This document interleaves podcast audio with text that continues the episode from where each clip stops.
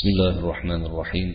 الحمد لله رب العالمين والعاقبة للمتقين ولا عدوان إلا على الظالمين. وأصلي وأسلم على أشرف الأنبياء وسيد المرسلين. نبينا وحبيبنا وقدوتنا محمد بن عبد الله وعلى آله وأصحابه أجمعين. والتابعين ومن تبعهم بإحسان إلى يوم الدين. أما بعد muhtaram birodarlar o'tgan suhbatimizda payg'ambar sollallohu alayhi vasallamning huzurlariga nasroniylardan ba'zilari kelib u kishidan oyatlar eshitib iymon keltirganlari va bu haqda ba'zi oyatlar nozil bo'lganligi haqida suhbat bo'lib o'tgan. Bugun muallif yangi fasl boshlab unda payg'ambar sollallohu alayhi vasallamning og'ir kunlaridan biri bo'lgan toif ahliga da'vat uchun qilgan rehlatlari ya'ni qilgan safarlari borishlari yurishlari haqida ta'sirli hikoyalarni keltirib so'z yuritadilar. Biz bugun shu payg'ambar sollallohu alayhi vasallamning toifga borganlarida bo'lgan bo'lib o'tgan voqealarni muallif aytganlari bo'yicha to'laligicha faslning hammasini keltirishga bir suhbatni ichida keltirishga harakat qilamiz muallif so'zlarini shunday boshlaydilar ولما اشتد البلاء من قريش على رسول الله صلى الله عليه وسلم بعد موت عمه أبي طالب من سفهاء قومه وتجرؤوا عليه وكاشفوه بالأذى كما تقدم خرج إلى الطائف ورجى أن يؤوه وينصروه على قومه ويمنعوه منهم ودعاهم إلى الله رسول الله صلى الله عليه وسلم جاء amakilari abu tolib o'lib ketganidan so'ng qavmlarini safihlaridan aqlsizlaridan betamizlaridan rasululloh sollallohu alayhi vasallamga qiyinchilik balo ko'payib ketganidan so'ng ular u zoti bobarakotga juda behurmatlik bilan jur'at qilib yuborganlaridan keyin ozorni ochiqchasiga qilaverganlaridan keyin yuqorida bu to'g'rida chunonchi ancha hikoyalar aytib o'tildi. Toifga qarab chiqdilar. Umid qildilarki toif ahli u zotni o'z bag'riga olib yordam berishsa deb bunaqa sarkash bo'lgan qavmlarini ustidan yordam berib bu tajovuzkorlardan himoya qilib qolishsa degan umidda o'sha toif ahliga chiqdilar ularni allohga da'vat qildilar فلم يرى من يؤوي ولم ير ناصرا ونالوه مع ذلك بأشد الأذى ونالوا منه ما لم ينل قومه lekin afsuski u kishiga boshpana beradigan himoya qiladigan joy beradigan kishini topmadilar yordamchi ko'rmadilar balki bilaks u kishiga nihoyatda qattiq ozor berish bilan qiyinchilik yetkazdilar qiynadilar Qavmlaridan yetmagan narsa u kishiga bu toifadan yetib keldi. Qavmlari qilmagan ishni ular qildilar. وكان معه زيد بن حارثة مولاه فأقام بينهم عشرة أيام لا يدع أحدا من أشرافهم إلا جاءه وكلمه فقالوا اخرج من بلادنا وأغروا به سفهاءه سفهاءه payg'ambar sollallohu alayhi vasallam bilan birga xodimlari xizmatchilari zayd ibn horisa bor edilar.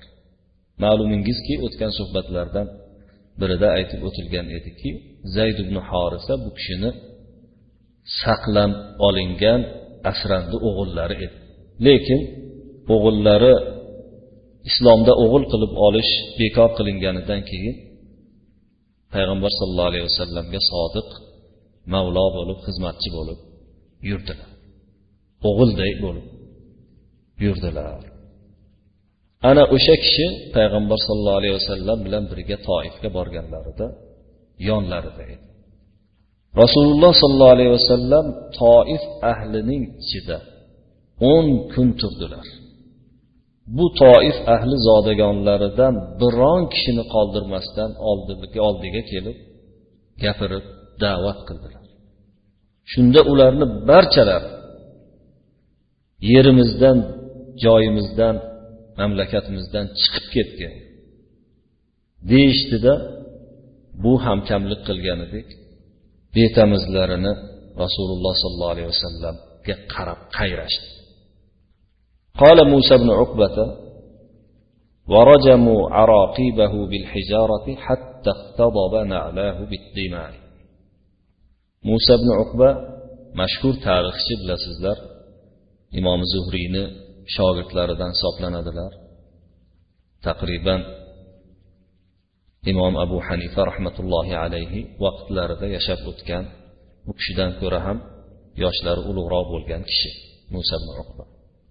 Shu kishi aytadilarki rasululloh sollallohu alayhi vasallamning tovonlarini tosh bilan urib uraverganlarida kiygan kalishlari qonga to'lib bulanib qolgan edi. Bu yerda bir urqub aroqibahu deb kelyapti. Urqub so'zining ko'pligi hisoblanadi. Urqub o'sha o'zbek tiliga o'girganimizda tovon ma'nosini beradi. Aqib so'zi ham bor.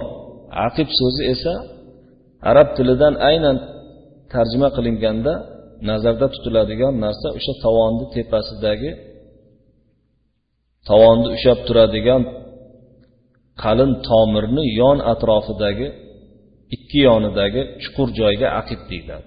Ya'ni kab haligi oshiq oyoqni oshig'ini orqa tarafidagi ingichka suv tegishi qiyin bo'ladigan joyga aqib deyiladi. Shuning uchun ham payg'ambarimiz sollallohu alayhi vasallam tahorat qilayotganlarga qarab vaylul aqobi minan nar degan hadisda aytganlar boshqa bir joyda madinada. Ya'ni o'sha aqiblarga do'zaxdan bir joy bo'lsin deganlar. Ma'nosi shunga dalolat qiladiki suv tegmay qolgan joyga do'zaxni o'ti tegadi degan ma'noda gapirgan. Chunki o'sha oshiqni orqasidagi tovonni tepasidagi chuqurroq joy ko'pincha shoshib oyoq yuvilgan vaqtda nam tegmay qolishi suv tegmay qolish ehtimoli bo'lganligi uchun payg'ambarimiz sallallohu alayhi vasallam shunday degan. Bir sahobiyni tahorat qilayotganlarida o'sha joyda tangadek bir suv tegmagan joyni ko'rib qolib shunday degan. Demak bu yerdagi aroqib so'zi urqub tovon so'zining arabchasi ekan aqibni ham o'zbek tiliga tarjima qilinganda tovon deb tarjima qilib yuriladi. O'zbek tilida o'sha tovonni tepasidagi chuqur joyni ma'no lafzi nomi bo'lmaganligi uchun shunday deyiladi. Aslida o'sha chuqur joyga aqib deydi. Toy mavzuga qaytadigan bo'lsak muallif aytadilarki zada g'ayruhu وكان إذا أذلقته الحجارة قعد إلى الأرض فيأخذونه بعضديه ويقيمونه فإذا مشى رجموه وهم يضحكون. وزيد بن حارثة يقيه بنفسه حتى لقد شج في رأسه شجاجا أو شجاجا. boshqa tarixchilar ziyoda qilishadiki payg'ambar sollallohu alayhi vasallamni ularni o'sha betamizlarini otgan toshlari holdan toydirib charchatib qo'yganida yerga o'tirib olar edi. Shunda ular kelib ikki qo'ltiqlaridan turg'izib tik qilib qo'yishadi. Yana yurib boshlasalar orqadan kulganlaricha qahqaha otganlaricha yana tosh otishadi.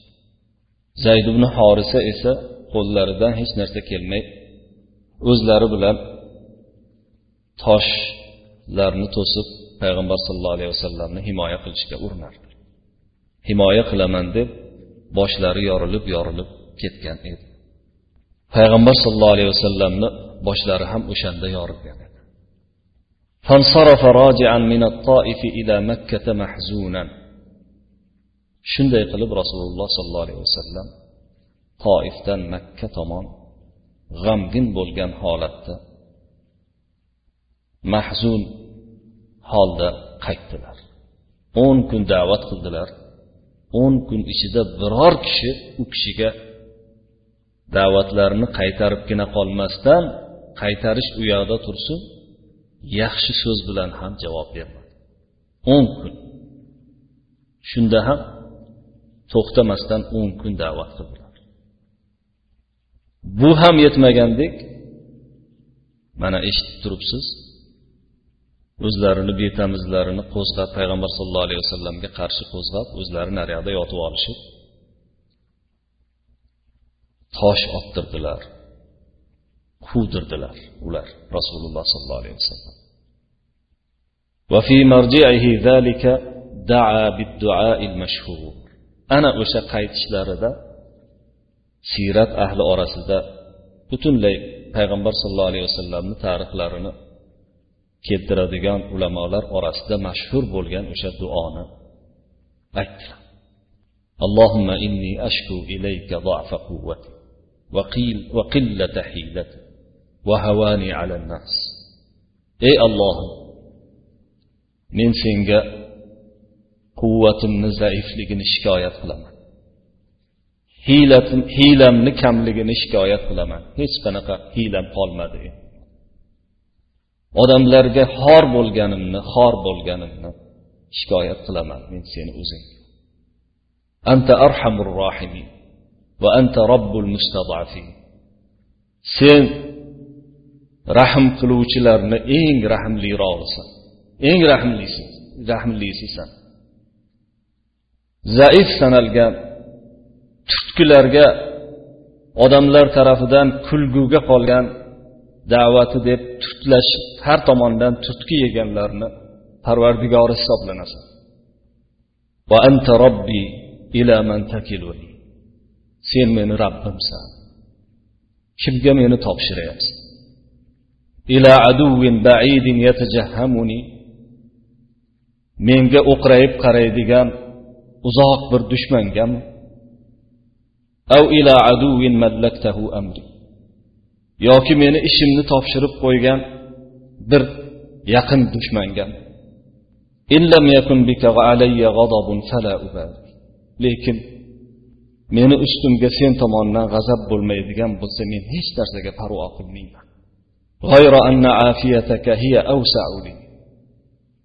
Lekin ofiyating menga beradigan tinchliging mening uchun yaxshiroq kengroq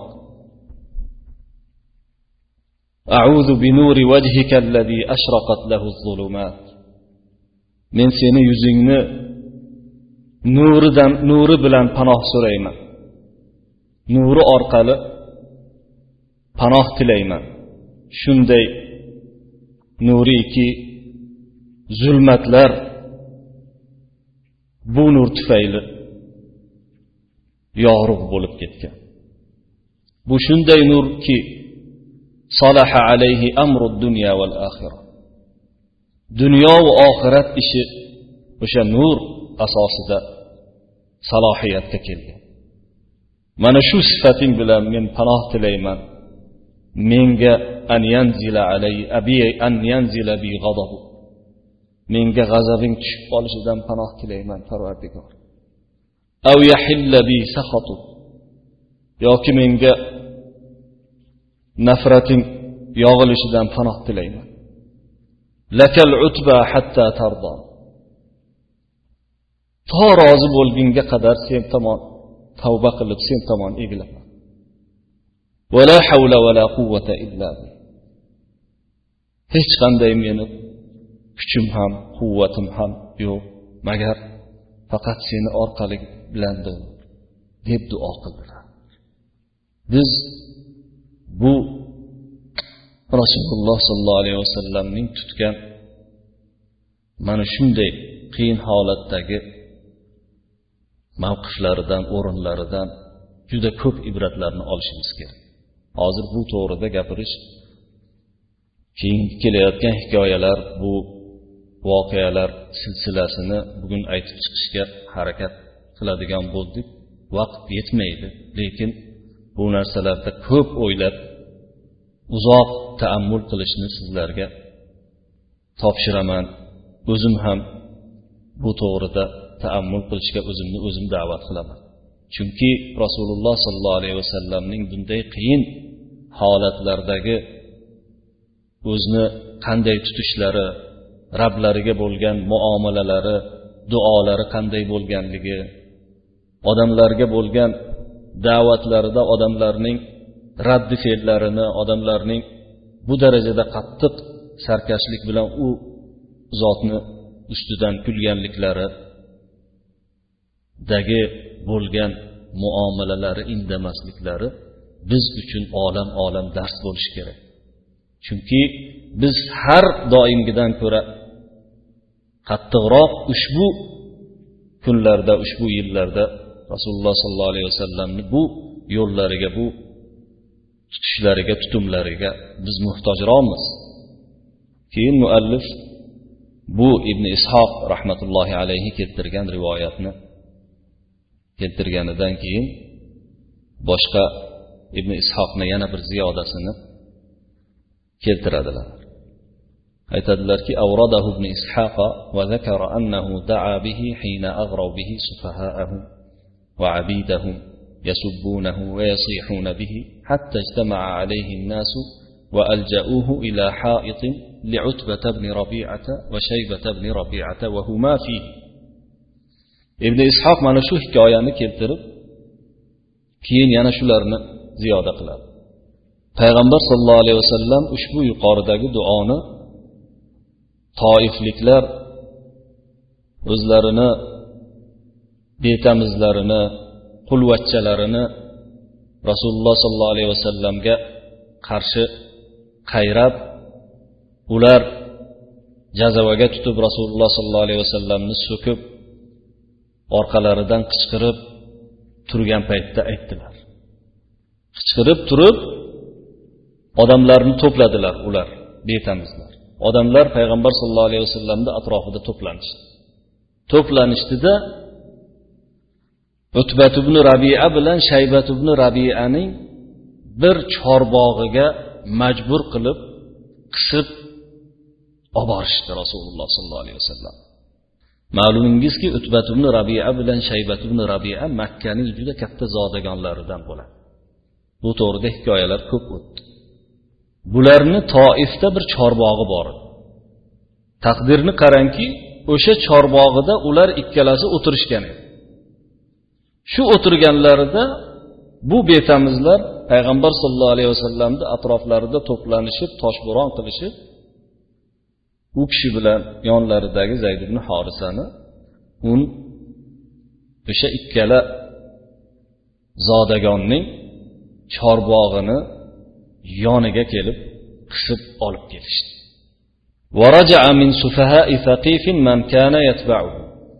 Shu chorboqqa kelganlarida bir chekkaga kelib qolganlarida keyin o'sha duoni qilgan edilar.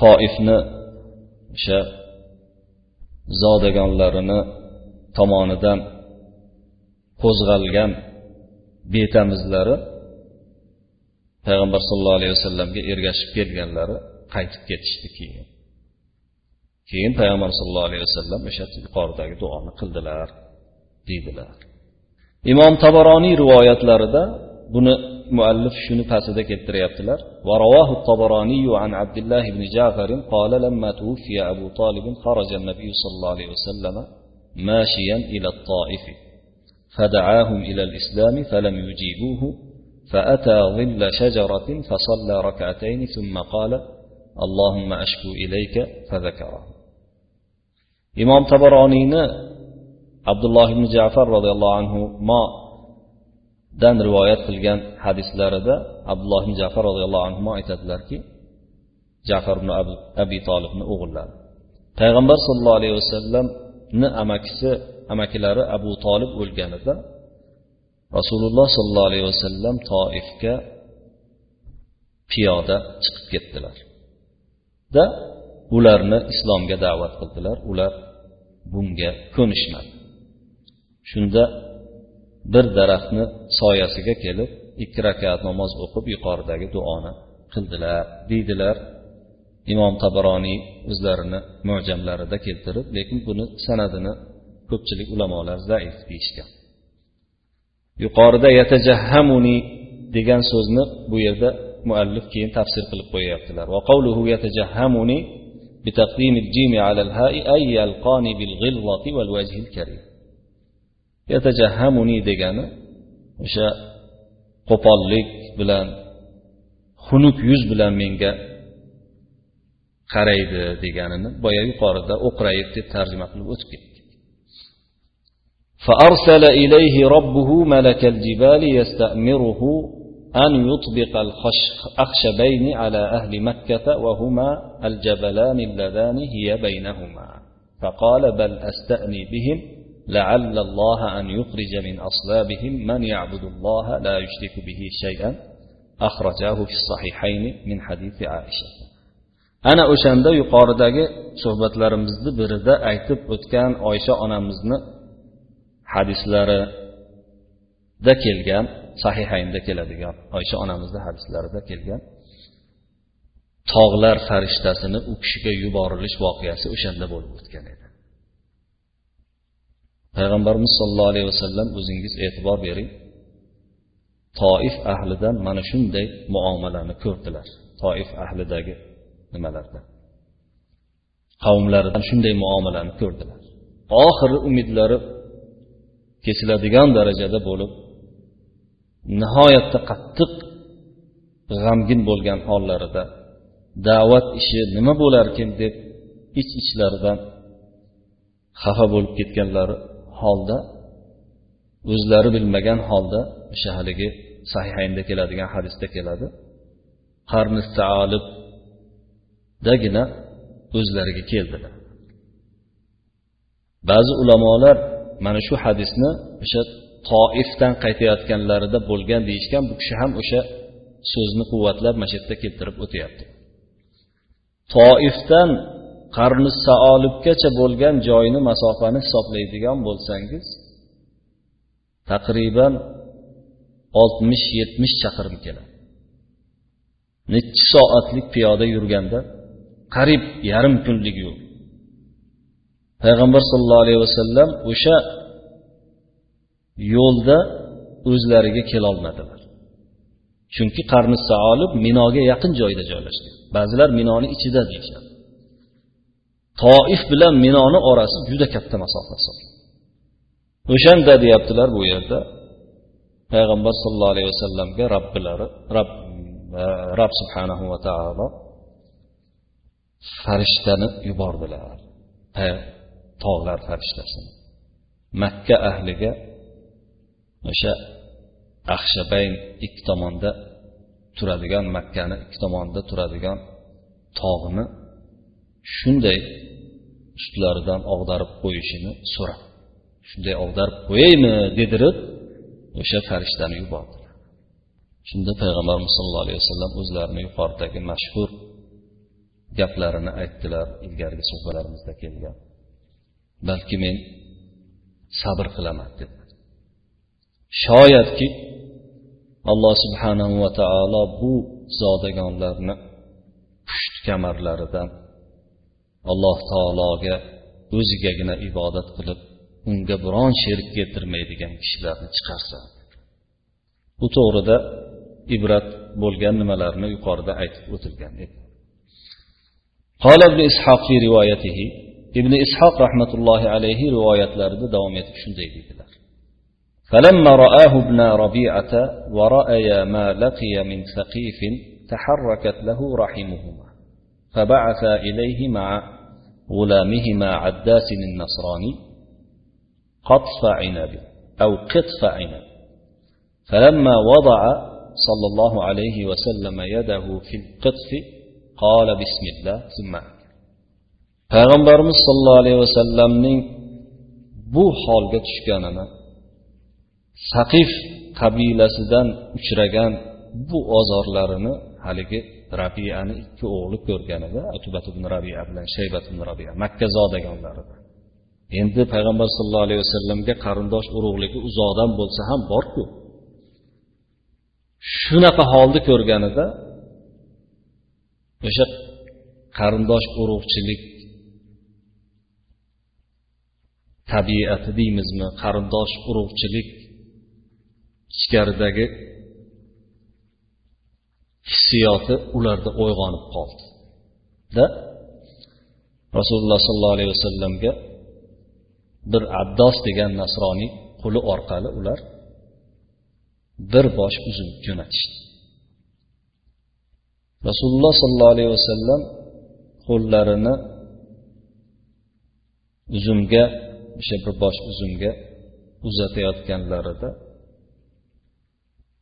bismillah ollohni nomi bilan dedilarda keyin yedilar ثم نظر عداس إلى وجهه وقال والله إن هذا الكلام ما يقوله أهل هذه البلدة عداس haligi nasroniy bola nasroniy yigit payg'ambar sallallohu alayhi vasallamni yuzlariga qarab allohga qasamki bu gapni bu yerliklar aytmaydi dedi فقال له صلى الله عليه وسلم من أي البلاد أنت وما دينك payg'ambar sallallohu alayhi vasallam shunda qarang o'sha vaqtda ham payg'ambar sallallohu alayhi vasallamni har bir daqiqalari har bir soniyalari har bir turgan nafaslari da'vat bo'lgan ekanda qaysi joydansan qaysi mamlakatdansan deb so'radi. Dining nima dedi. Qola nasroniyun min ahli ninavo dedi. Naynavo ahlidan bo'lgan nasroniyman dedi.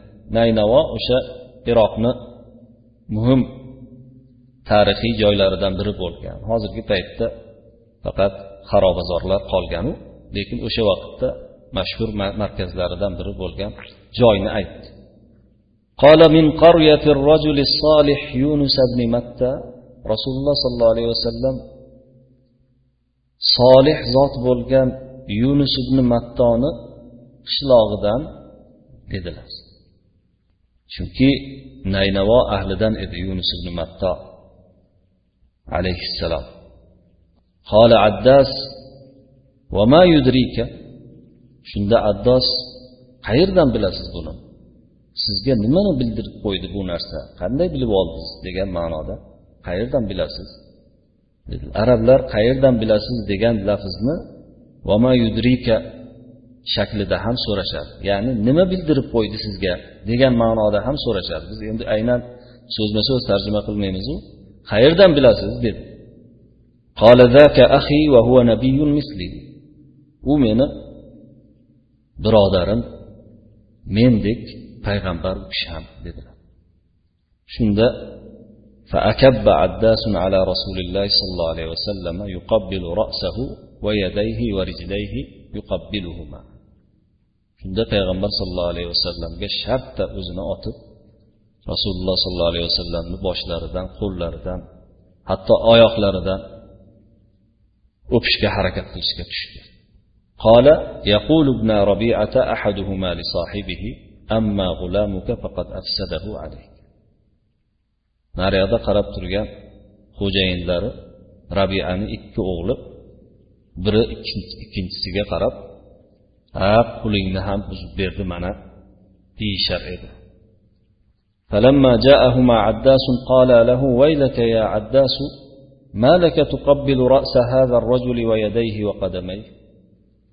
addos ularga qaytib kelganida xo'jayinini oldiga ikkalalari unga birdaniga ey holingga voy bo'lsin addos nimaga bu odamni boshiyu qo'liyu oyog'ini o'pishga tushdi deganda قال يا سيدي ما في الأرض شخص خير من هذا ey hojam yer yuzida bu zotdan ko'ra yaxshiroq kishi yo'q ekan yo'q فقد أخبرني بشيء لا يعلمه إلا نبي payg'ambargina biladigan bir narsani menga xabar berdi hozir dedi قال ويحك يا عداس لا يصرفنك عن دينك فإن دينك خير من دينه shunda ular ey holingga voy addos diningdan to'sib qo'ymasin e dining buni dinidan yaxshi deyishdi فلما نزل بنخلة في مرجعه قام يصلي في جوف الليل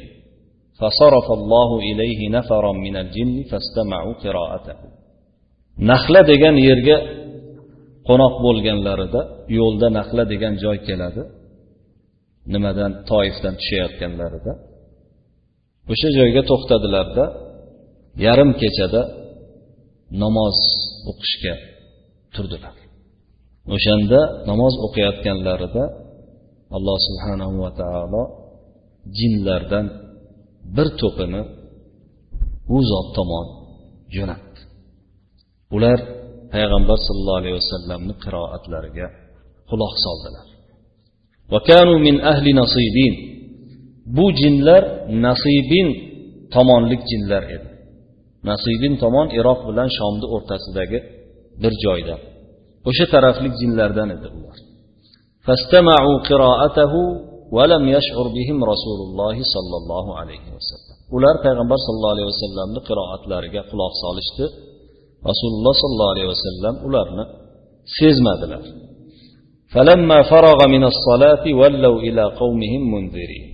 payg'ambar sollallohu alayhi vasallam namozni tugatganlaridan so'ng ular o'zlarini qavmlari tomon qavmlarini ogohlantirish uchun jo'nab ketdilar payg'ambar sollallohu alayhi vasallamga iymon keltirib eshitgan narsalariga ijobat qilib bo'ysunib jo'nab ketdilar فقص الله خبرهم عليه فقال تعالى وإذ صرفنا إليك نفرا من الجن يستمعون القرآن الله سبحانه وتعالى أنا أشاء ularni hikoyasini xabarini ahqof surasida bir nechta oyatlarda hikoya qilib berdi. Alloh taolo aytadiki eslang ey muhammad sallallohu alayhi vasallam yoki yod oling shunaqa vaqtda biz sizga bir vaqt bir vaqt jinlardan bir jamoasini jo'natdik. Ular qur'onni eshitish uchun bordilar. Ya'ni qur'onni eshitgan hollarida sizlarga sizga jinlardan bir to'pini jo'natgan edi. O'sha vaqtni eslang deydi alloh subhanava taolo. Eslang deyishda bu yerda va ib so'zi arab tilida vaqtga dalolat qiladi. Ya'ni shu vaqtda biz mana shunday qilgan edik. Deb alloh subhanava taolo o'zini ne'matlaridan birini sanayotganda mana shu ibora bilan keltiradi. Bu bilan payg'ambar sallallohu alayhi vasallamni bu voqeadan ilgari o'sha bo'lgan voqea bo'lgan vaqtda xabardor bo'lishlari shart emas. Yuqorida aytib o'tildi. Bularni kelganini payg'ambar sallallohu alayhi vasallam sezmagan. Lekin jinlar bir marta kelgan emas. Payg'ambar sallallohu alayhi vasallamga bot bot kelib turishar edi ba'zilarida payg'ambar sallallohu alayhi vasallam ular bilan so'zlashar edilar ularga oyatlar o'qib berar edilar lekin bu yerdagi hikoyada payg'ambar sallallohu alayhi vasallam namoz o'qiyotganlarida ularni o'zlari kelib quloq solib ketganligi aytilyapti قال الحافظ ابن كثير imom ibn kasir hofiz ibn kasir mufassir bu haqda shunday deydilar ya'ni yuqoridagi oyatni tafsirida وقد ذكر ابن إسحاق خبر خروجه عليه السلام إلى أهل الطائف ودعائه إياهم وأنه لما انصرف عنهم بات بنقلة فقرأ تلك الليلة القرآن فاستمعه الجن من أهل نصيبين. قال وهذا صحيح لكن قوله إن الجن كان استماعهم تلك الليلة فيه نظر فإن الجن كان استماعهم في ابتداء الإيحاء ويدل عليه حديث ابن عباس عند أحمد ابن كثير shunday deydilar ibn ishoq payg'ambar sallallohu alayhi vasallamni ahli toifga chiqishlarini ularni da'vat etishlarini keyin ulardan qaytib kelayotganlarida nahla degan joyda tunab qolganliklarini ibn ishoq hikoya qiladi deydilar ibn katir yuqorida ibn ishoq hikoyalarini aytdik endi biz o'shanda ibn ishoq o'sha kechasi qur'on o'qiganlik payg'ambar sallallohu alayhi vasallamni qur'on o'qiganliklarini ham hikoya qiladi. Qur'on o'qiganliklarini namozda jinlar kelib ahli nasibindan bo'lgan nasibin e, tomondan bo'lgan jinlar kelib bu qur'onni eshitganliklarini hikoya qiladi ibn ishoq bu hikoyalari to'g'ri deydilar ibn kasir lekin ibn ishoqni jinlarni o'sha hikoya o'sha oyatlarni eshitishlari deyishlarida o'sha kechada eshitgan edilar deyishlarida bir noto'g'rilik bor. Chunki jinlarni payg'ambar sollallohu alayhi vasallamni oyatlarini eshitib boshlagan qur'on oyatlarini eshitib boshlaganliklari vahiyni boshidanoq edi. Bunga imom ahmadda kelgan musnatlarida kelgan ibn abbosni hadislari dalil bo'ladi qola ibn abbos roziyallohu anhu aytadilarki kana jinnu yastami'una lil vahiy فيسمعون الكلمة فيزيدون فيها عشرا فيكون ما سمعوه حقا وما زادوه باطلا ibn ibn abbos aytadilarki jinlar vahiyga quloq tutishar bir gapni eshitib qolsalar ustiga o'n gap qo'shardilarda eshitgan gaplari haq lekin qo'shganlari botil bo'lib turaverardi.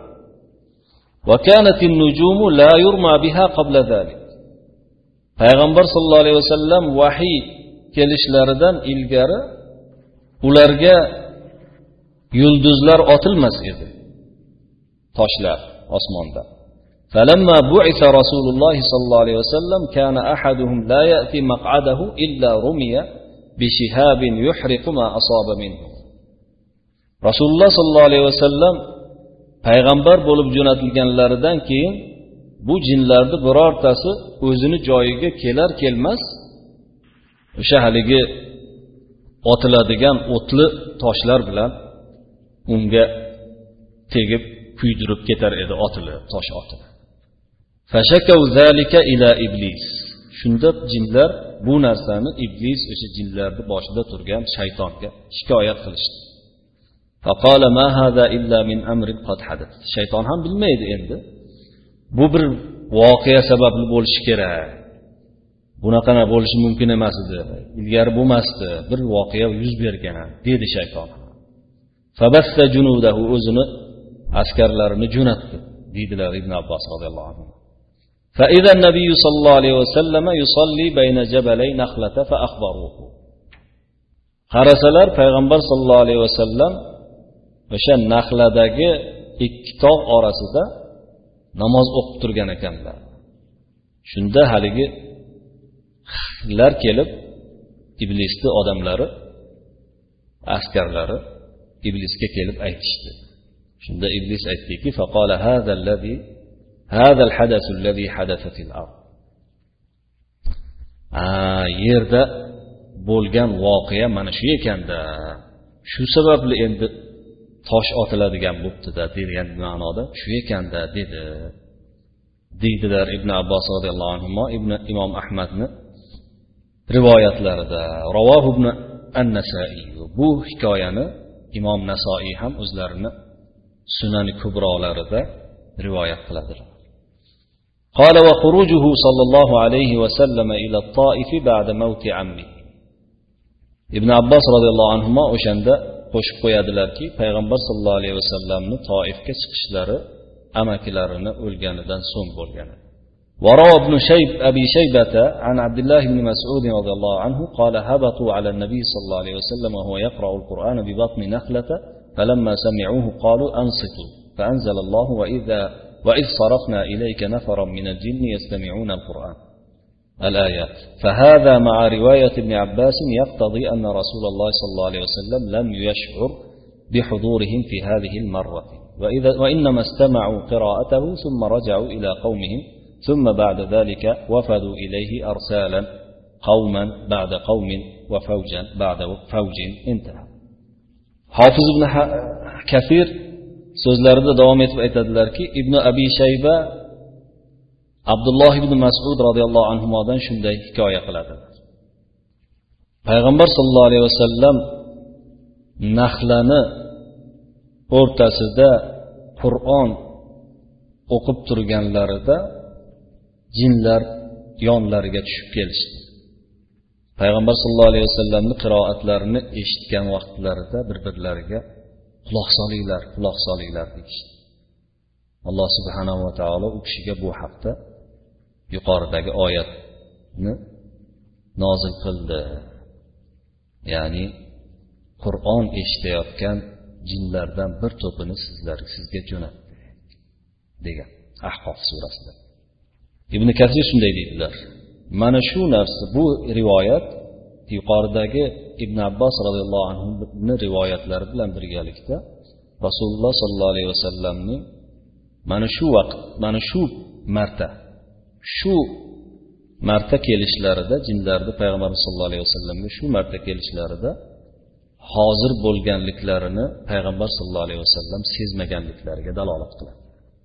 Balki ular payg'ambar sallallohu alayhi vasallam qiroatlariga quloq solishib keyin qavmlariga qaytib ketishgan undan keyin payg'ambar sallallohu alayhi vasallamga jamoat jamoat bo'lib birin ketin kelib iymon keltirib ketishgan iymon keltirganlar وأقام رسول الله صلى الله عليه وسلم بنخلة أياما فقال له زيد بن حارثة كيف تدخل عليهم وقد أخرجوك يعني قريشا فقال يا زيد إن الله جاعل لما ترى فرجا ومخرجا وإن الله ناصر دينه ومظهر دينه. ثم انتهى إلى مكة فأرسل رجلا من خزاعة إلى المطعم بن عدي. أدخل في جوارك؟ فقال نعم. رسول الله صلى الله عليه وسلم برنيشة كن قلب كتلر فقال له زيد بن حارثة زيد بن حارثة shunda payg'ambar sollallohu alayhi vasallamga ya'ni nahla toifdan qaytganlaridan keyin makkaga kirishdan oldingi yer endi o'sha joyda bir necha kun qolib ketdi. Payg'ambar sollallohu alayhi vasallamga o'shanda zayd ibn horisa shunday dedi. Qanday ularni oldiga hozir kira olasiz? Sizni chiqarib yuborgan edik bu.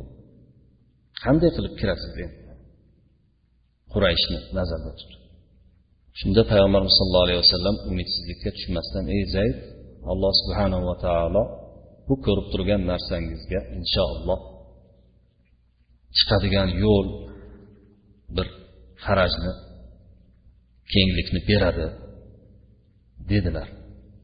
Keyin qo'shib qo'ydilarki olloh o'zini dinini albatta yordamchisi o'zini dinini barcha dinlardan ustun qilib ko'rsatuvchi zotdir dedilar. Keyin makkaga keldilarda hali kirmasdan huzoa qabilasidan bir kishini yollab mutim ibn adi degan qurayshni zodagonlaridan bittasiga odam jo'natdilar. O'sha huzoa degan qabiladan bir kishi. Men seni himoyangda makkaga kirsam bo'ladimi? dedi. U mutim ibn adi darrov bo'ladi deb javob berdi. O'z farzandlari va o'zini qarindosh urug'ini to'pladida chaqirdida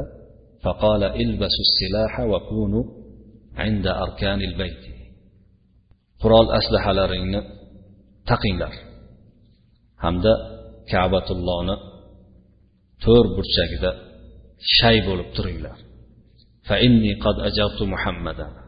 chunki men muhammadni himoya qildim muhammadga makkaga kirishga ruxsat berdim dedi فدخل رسول الله صلى الله عليه وسلم ومعه زيد بن حارثة حتى انتهى إلى المسجد الحرام payg'ambar sollallohu alayhi vasallam zayd ibn horisa bilan birgalikda kirib keldilar masjidil haromga yetdilar kelib فقام المطعم بن عدي على راحلته فنادى يا معشر قريش إني قد أجرت محمدا فلا يهيجك منهم أحد فلا يهيجه منهم منكم أحد shunda mutim ibn adi payg'ambar sallallohu alayhi vasallam masjidil haromga kirib kelganlarida o'rnidan turdida tuyasini ustiga chiqib tikka turib ey quraysh jamoasi men muhammadni himoya qildim sizlardan biron kishi bu odamga zarar bermasin bu odamni qo'zg'amasin dedi فانتهى رسول الله صلى الله عليه وسلم إلى الركن فاستلمه وصلى ركعتين وانصرف إلى بيته والمطعم بن عدي وولده محدقون به بالسلاح حتى دخل بيته payg'ambar sollallohu alayhi vasallam hajarul asvad yoniga kelib uni o'pdilarda keyin ikki rakat namozni o'qidilar. Keyin uylariga qaytib ketdilar. Mutim ibn adi shu vaqt davomida o'zi farzandlari bilan qurollarini yalang'ochlagancha payg'ambar sallallohu alayhi vasallam atrofini o'rab himoya qilib turishdi. Hatto payg'ambar sallallohu alayhi vasallam uylariga kirib ketdilar deydilar. Ibn kasir o'zlarini siray nabavoy nabaviyasida zodil maotda ibn qayim ham mana shu hikoyani keltiradi وذكر ابن إسحاق أن رسول الله صلى الله عليه وسلم لما أراد أن يدخل مكة بعد رجوعه من الطائف أرسل إلى الأخنس بن شريق أو شريق أدخل في جوارك؟ فقال إني حليف والحليف لا يجير. فبعث إلى سهيل بن عمرو فقال إن بني عامر لا تجير على بني كعب فبعث إلى المطعم فأجابه إلى ذلك انتهى ibn ishoq rahmatullohi alayhini aytishlaricha rasululloh sollallohu alayhi vasallam toifdan qaytganlaridan so'ng makkaga kirishni xohlaganlarida birinchi bo'lib ahnas ibn shurayq yoki ahnas ibn sharif degan odamga kishi jo'natdilar himoyangda kirsam bo'ladimi Shunda ahmas ibn sharif makkani asl aholisidan emas edi. Men bir ittifoqdoshman ittifoqdosh bu yerda himoya qila olmaydi deb javob berdi shunda suhayl ibn amrga ham odam jo'natdi. Suhayl ibn amr ham banu omir banu kabga himoya qila olmaydi banu kabga ijora berolmaydi. Ijora ya'ni himoya qilish deb javob berdi. O'shanda keyin mutim ibn adiyga aytganlarida mutim ibn adi yuqoridagidek qilib himoyasiga olgan edi deydilar ibn ishoq rahmatullohi alayhi. Mana shu yerga kelganimizda muallif bu voqeaga bo'lgan ya'ni bu voqea atrofidagi bo'lgan hikoyalarni tugatadilar. Biz ham shu yerda suhbatimizni yakunlaymiz keyingi suhbatga qadar alloh subhanahu va taoloni hifzi himoyasida barchangiz bo'lishingizni duo qilgan holda sizlar bilan xayrlashamiz. Va sallallohu vasallam va baraka ala nabiyina muhammad va ala alihi va ashabihi ajmain. Assalomu alaykum va rahmatullohi va barakatuh.